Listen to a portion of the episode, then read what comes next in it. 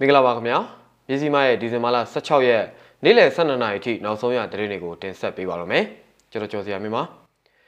လေးကီကောတိုက်ပွဲကြောင့်ပြည်သူပေါင်း3000ကျော်ဆစ်ဆောင်နေရတဲ့တဲ့စစ်ကောင်စီတပ်က NLD ပါတီဝင်ညီဖြစ်သူကိုလာရောက်ဖမ်းဆီးရမှာမတွေ့ရှိတာကြောင့်အကိုဖြစ်သူကိုဖမ်းဆီးသွားတဲ့တဲ့ချင်းမကွေးနယ်စပ်မှာတိုက်ပွဲဖြစ်ပွားပြီးစစ်ဘေးရှောင်800ဝန်းကျင်ထပ်မံတိမ်းရှောင်နေရတဲ့တဲ့နဲ့ ကိုလံဘီယာလေဆိပ်ဘုံခွဲတိုက်ခိုက်မှုမှာတိုက်ခိုက်သူရောမိုင်းရှင်းဝန်ထမ်း2ဦးပါတေဆုံးတဲ့တဲ့အစရှိတဲ့ပြည်တွင်းနဲ့နိုင်ငံတကာသတင်းတွေကိုတင်ဆက်ပေးပါရမယ်ခင်ဗျာပထမဆုံးအနေနဲ့လေးကီကောတိုက်ပွဲကြောင့်ပြည်သူပေါင်း3000ကျော်ဆစ်ရှောင်နေရတဲ့သတင်းကိုတင်ဆက်ပေးပါမယ်ဒီဇင်ဘာလ15ရက်နေ့ကစတင်ဖြစ်ပွားခဲ့တဲ့လေးကီကောမြို့တစ်အတွင်းတိုက်ပွဲကြောင့်ယနေ့မနက်ပိုင်းထိလေးကီကောမြို့တစ်နေပြည်သူတွေနဲ့အနီးအနားကျေးရွာတွေကအပါအဝင်ဆစ်ရှောင်ကူညီပေးနေသူတွေက KIC ကိုပြောပါရယ် စစ်ဆောင်ကူညီပေးနေတဲ့လူငယ်တူက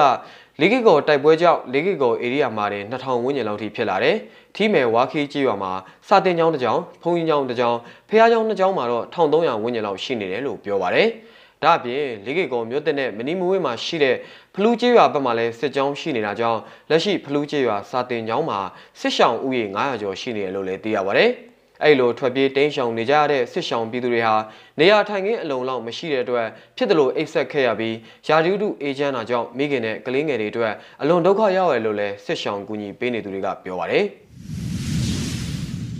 ဆက်လက်ပြီးစစ်ကောင်စီတပ်က NLD ပါတီဝင်ညီဖြစ်သူကိုလာရောက်ဖမ်းဆီးရမှာမတွေ့ရှိတာကြောင့်အကိုဖြစ်သူကိုဖမ်းဆီးသွားတဲ့တဲ့တင်ကိုတင်ဆက်ပေးပါမယ်။ ရန်ကုန်တောင်ပိုင်းခရိုင်ကော်မူးမြို့နယ်မက်ဆယ်စိတ်ကျေးရွာမှာစစ်ကောင်စီတပ်က NLD ပါတီဝင်ညီဖြစ်သူကိုလာရောက်ဖမ်းဆီးရမှာမတွေ့ရှိတာကြောင့်အကိုဖြစ်သူကိုဖမ်းဆီးသွားတယ်လို့ဒေသခံတွေထံကနေသိရပါဗျ။ကော်မူးမြို့နယ်မက်ဆယ်စိတ်ကျေးရွာကိုဒီဇင်ဘာလ14ရက်နေ့ညပိုင်းကစစ်ကောင်စီကစစ်ကားအသေး3စီးနဲ့လာရောက်ကယခုလိုဖမ်းဆီးသွားတာဖြစ်ပါတယ်။ရွာထဲကိုစစ်ကားအသေး3စီးနဲ့စစ်ကောင်စီတပ်ဖွဲ့ဝင်တွေရောက်လာတယ်။ ရွာတွေက NLD ပါတီဝင်ဆိုတဲ့ကိုမမောင်ဆိုသူကိုလာရှာတာသူ့ကိုမတွေ့တော့အကိုဖြစ်သူကိုစော်မင်းထွန်းကိုဖမ်းသွားတယ်လို့ဒေသခံတူကပြောပါတယ်လက်ရှိအချိန်မှာစစ်ကောင်စီတပ်ကကိုစော်မင်းထွန်းကိုမြည်သည့်နေရာဖမ်းဆီးခေါ်ဆောင်သွားတယ်ဆိုတာကိုတော့မသိရသေးဘူးလို့အဲ့ဒီဒေသခံကပြောပါတယ်လာဖမ်းတဲ့သူကရှောင်နေရတာကြပြီဒလန်တွေသတင်းပေးလို့လာရှာတာပါအဲ့ဒီရွာကကြန့်ခိုင်ရင်ထောက်ခံသူတွေများတယ်စစ်သားအဝင်ထွက်လဲရှိတော့မလိုတဲ့သူကိုလက်တော့လိုက်ရင်ဖမ်းတော့တာပဲလို့ကွန်မူဒေသခံတူကပြောပါတယ် စစ်ကောင်စီကလာရောက်ရှာဖွေဖမ်းဆီးတဲ့ NLD ပါတီဝင်ဖြစ်သူကိုမမောင်ဟာလက်ရှိအချိန်မှာရွာကနေထွက်ပြေးတိမ်းရှောင်နေရတယ်လို့လည်းသိရပါဗျ။ဒါ့အပြင်ဒီဇင်ဘာလ15ရက်နေ့မနက်ပိုင်းကလည်းကုံမှုမြို့နယ်ကြိုက်ထော်ကျေးရွာသား၃ဦးကိုစစ်ကောင်စီတပ်ကဖမ်းဆီးခေါ်ဆောင်သွားတယ်လို့ဒေသခံတွေထံကနေသိရပါတယ်ခင်ဗျာ။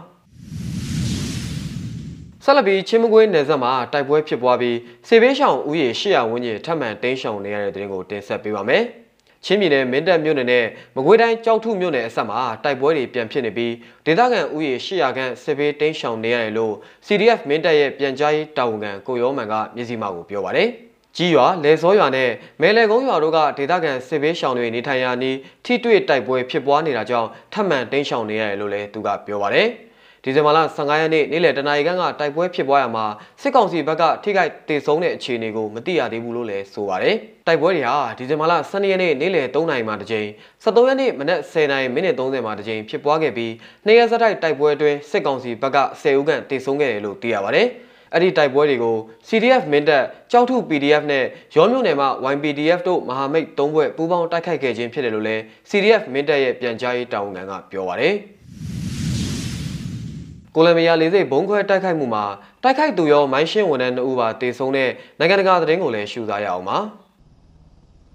ဒီဇင်ဘာလ14ရက်အင်္ဂါနေ့ကကိုလံဘီယာအရှေ့မြောက်ပိုင်းကလေဆိပ်တစ်ခုမှာဘုံပေါက်ကွဲမှုဖြစ်ပွားခဲ့ပြီးတိုက်ခိုက်သူအဖြစ်တန်တရားရှိသူနဲ့ရဲဝန်ထမ်းတို့တေဆုံးခဲ့ပြီးဒီတိုက်ခိုက်မှုဟာအကြမ်းဖက်လုပ်ရဖြစ်တယ်လို့အာဏာပိုင်တွေကပြောကြားလိုက်ပါတယ်။တိုက်ခိုက်သူဟာဗင်နီဇွဲလားနယ်စပ်နဲ့ကပ်ရက်ကူကူဒါမြို့ရှိကမီလိုဒါဇာနိုင်ငံတကာလေဆိပ်ရဲ့ တန်ဆူကျိုးအကာယံကိုကြော်ပြီးလေးစိတ်ပြေးလန်းစီတွားရောက်ဖို့ကြိုးစားခဲ့တာဖြစ်တယ်လို့ရဲတပ်ဖွဲ့ကဆိုပါတယ်။အဆိုပါနေရာမှာပထမဆုံးအကြိမ်ပောက်ကွဲမှုဖြစ်ပြီး၎င်းရဲ့ခန္ဓာကိုယ်အစိတ်ပိုင်းတွေလွင့်ဆင်သွားခဲ့ပါတယ်။နောက်တော့ကျွန်တော်တို့ရဲ့မိုင်းရှင်းပညာရှင်တွေကအခင်းဖြစ်နေရာကိုရှာဖွေခိုက်မှာအဝတ်တစ်တာတစ်လုံးတွေ့ပါတယ်။အဲ့ဒီတစ်တာကပောက်ကွဲပြီးမိုင်းရှင်းဝန်ထမ်းတို့သေဆုံးခဲ့တယ်လို့ကူကူတာရဲတပ်ဖွဲ့အကြီးအကဲဂျီယိုဗန်နီမာဒါရီယာဂါကပြောပါတယ်။အဆိုပါအကြက်ဖက်လုပ်ရက်ကိုဗန်နီဇွဲလားမှာအခြေစိုက်တဲ့ ကိုလံဘီယာသဘုံတွေနဲ့ပူးပေါင်းလှုပ်ဆောင်ခဲ့တာဖြစ်နိုင်တယ်လို့ကာကွယ်ရေးဝန်ကြီးကဆိုပါတယ်။အဆိုပါဖြစ်စဉ်ကိုမျက်မြင်တွေ့ရှိခဲ့ရသူ Manuel Alberto Reyes ကအခုလိုပြောပြပါတယ်။ Porque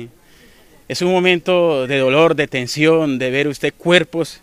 en la calle. လေရင်ပြေးလန်းပေါ်မှာအလောင်းတွေကိုမြင်လိုက်ရချိန်မှာတိတ်ကိုနာကျင်ခံစားရပါတယ်။လေးစိတ်ထဲကနေဆင်ထွက်လာတဲ့အပိုင်းစာတွေဆိုတာချန်စီယိုတွေမှာပါလာကတ်တယ်။အခုထိမြင်နေရတော့ လေးစိတ်ပြေးလန်းပေါ်အဲ့လိုအဖြစ်ဆိုးမျိုးတကယ်ကိုဖြစ်သွားခဲ့ပါတယ်။တိတ်ကိုဝမ်းနည်းစရာကောင်းပါတယ်။ကူကူတာတစ်မျိုးလုံးထိခိုက်ကြေကွဲနေရပါပြီ။ဒီဖြစ်စဉ်ဟာကူကူတာမျိုးကန်တွေအပေါ်အများကြီးအကျိုးတက်ရောက်ပါတယ်။အိမ်တွေထိခိုက်တာမျိုးမရှိပေမဲ့ကျွန်တော်ဖုန်းနဲ့မှတ်တမ်းတင်နေချိန်မှာလူခန္ဓာကိုယ်အစိတ်ပိုင်းတွေကအနီးနားကအင်ခေါင်မိုးတွေပေါ်ထိကျလာတယ်လို့သူကဆက်ပြောပါတယ်ဒီဖြစ်စဉ်နဲ့ပတ်သက်လို့ကိုလံဘီယာကာဝေးရေးဝန်ကြီးဒီယေဂိုမိုလန်နိုကအခုလိုပြောပါတယ် y lo hace. Hoy, en dos hechos consecutivos, primero un individuo... ဒီနေ့ဖြစ်ပွားခဲ့တဲ့နှစ်ကြိမ်ဆင့်ပောက်ကွဲမှုမှာပထမတစ်ကြိမ်မှာဖောက်ကွဲရေးပစ္စည်းပါလာတဲ့တိုက်ခိုက်ရေးသမားကလေးစိတ်ချန်စီယိုကိုကြော်ဖို့ကြိုးစားတော့မှဘုံကအသက်ဝင်လာပြီးပောက်ကွဲလို့ တစစီလွန့်ထွက်သွားတယ်။ရဲတပ်ဖွဲ့မိုင်းရှင်းဝန်ထမ်းတွေနဲ့စစ်သားအချို့ချက်ချင်းရောက်လာပြီးအဲ့ဒီအဝတ်တစ်တာကိုစစ်ဆေးနေတော့နောက်တစ်ကြိမ်ထပ်ပြီးပောက်ကွဲခဲ့တဲ့အတွက်ရဲဝန်ထမ်းဖြစ်တဲ့ Reyes နဲ့ Baran တို့သေဆုံးခဲ့ပါတယ်။ကြာဆုံးသွားတဲ့ရဲဝန်ထမ်းတွေအတွက်ကျွန်တော်တို့ထိခိုက်ခံစားရပါတယ်။သူတို့ရဲ့မိသားစုတွေနဲ့ထပ်တူဝမ်းနည်းကြောင်းပြောလိုပါတယ်။သို့တော်လည်းဒီလောက်ရဟာအကြမ်းဖက်အဖွဲ့ဖြစ်တဲ့ FARC နဲ့ ELN တို့ကိုဆက်လက်ချေမှုန်းဖို့ တွန်းအားတရပဲဖြစ်ပါတယ်။ဒီအကြမ်းဖက်အဖွဲ့တွေဟာနေဆက်မှာအကြမ်းဖက်လုပ်ငန်းတွေလှုပ်ဆောင်ဖို့လှုပ်ဆော်နေသူတွေဖြစ်တယ်လို့ဗင်နီဇွဲလားရဲ့ငွေကြေးထောက်ပံ့မှုနဲ့ကိုလံဘီယာနိုင်ငံထဲမှာအခြေချလှုပ်ရှားနိုင်အောင်စီစဉ်နေကြတာလည်းဖြစ်ပါတယ်။မြစည်းမရဲ့ဒီဇင်ဘာလ16ရက်နေ့လယ်12နာရီထိနောက်ဆုံးရသတင်းတွေကိုတင်ဆက်ပေးခဲ့တာပါမြန်မာပြည်သူပြည်သားအပေါင်းဘေးရန်ရဲ့မျိုးမျိုးကနေကင်းဝေးကြပါစေခင်ဗျာ။